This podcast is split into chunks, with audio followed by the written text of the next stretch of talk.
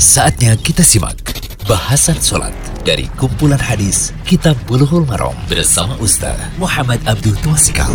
Bismillahirrahmanirrahim. Assalamualaikum warahmatullahi wabarakatuh. Alhamdulillah. Salatu wassalamu ala rasulillah wa ala alihi wa sahbihi wasallam. Kali ini kita berada di audio ke-144 dari pembahasan kitab Bulughul Maram karya Imam Ibnu Hajar al-Asqalani kitab salat masih dalam bab sujud sahwi wa ghairuhu min sujud tilawati wa syukri yaitu bab sujud sahwi dan sujud lainnya ada sujud tilawah dan sujud syukur kita lihat di audio 144 ini hadis 336 dari kitab Bulughul Maram atau hadis ketujuh dari pembahasan sujud sahwi. Kali ini tentang masalah lupa tasyahud awal dan sudah terlanjur berdiri. Lanjut ataukah balik? Hadisnya dari Al-Mughirah bin Syu'bah radhiyallahu anhu anna Rasulullah sallallahu alaihi wasallam qala idza syakka ahadukum faqama fi rak'ataini fastatamma qa'iman falyamdi wal yasjud sajadataini wa ilam yastatimma qa'iman falyajlis wala sahwa alaih rawahu Abu Dawud wa Ibnu Majah wa Daruqutni lafzu dari Al-Mughirah bin Syu'bah radhiyallahu anhu Rasulullah sallallahu alaihi wasallam bersabda Apabila seorang di antara kalian ragu dan ia berdiri dari rokat kedua, ia berdiri dari rokat kedua, ya langsung dia berdiri ke rokat ketiga berarti ya.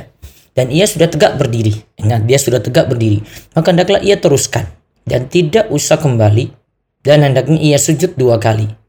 Itu sujud sahwi. Apabila ia belum berdiri tegak, maka hendaknya ia duduk kembali dan tidak usah sujud sahwi. Hadis ini diriwayatkan oleh Abu Dawud, Ibnu Majah, Ad-Darukutni, lafaznya menurut Ad-Darukutni dengan sanad yang doif. Dan Syekh Abdullah Fauzan dalam Minha al-Alam jelaskan bahwasanya sanad hadis ini doif. Faedah hadis yang bisa kita ambil dari sini adalah yang pertama, jika orang yang sholat itu lupa melakukan tasyahud awal, lalu ia langsung berdiri ke rakaat ketiga, atau lebih dekat ke berdiri, maka hendaklah ia melanjutkan sholatnya dan tidak perlu kembali melakukan tasyahud awal. Ya, langsung dia lanjutkan rokat ketiga berarti ya. Karena ketika berdiri berarti sudah masuk rukun yaitu berdiri. Sehingga tidak perlu kembali untuk mengerjakan sunnah abad yaitu tasyahud. Kekurangan ini ditutup dengan sujud sawi dua kali sujud. Inilah yang dijelaskan sebelumnya dalam hadis Abdullah bin Buhainah. Faedah kedua, jika orang yang sholat itu lupa melakukan tasyahud awal tetapi ia belum berdiri sempurna atau ia lebih dekat ke duduk. Ia lebih dekat ke duduk ya dia belum berdiri sempurna lebih dekat ke duduk, maka hendaklah ia duduk untuk melakukan tasyahud awal, ia tidak perlu melakukan sujud sahwi. Terus faedah ketiga, tasyahud awal itu bukan termasuk rukun sholat. Karena ketika ditinggalkan ditutup dengan sujud sahwi, tidak disuruh kembali melakukannya.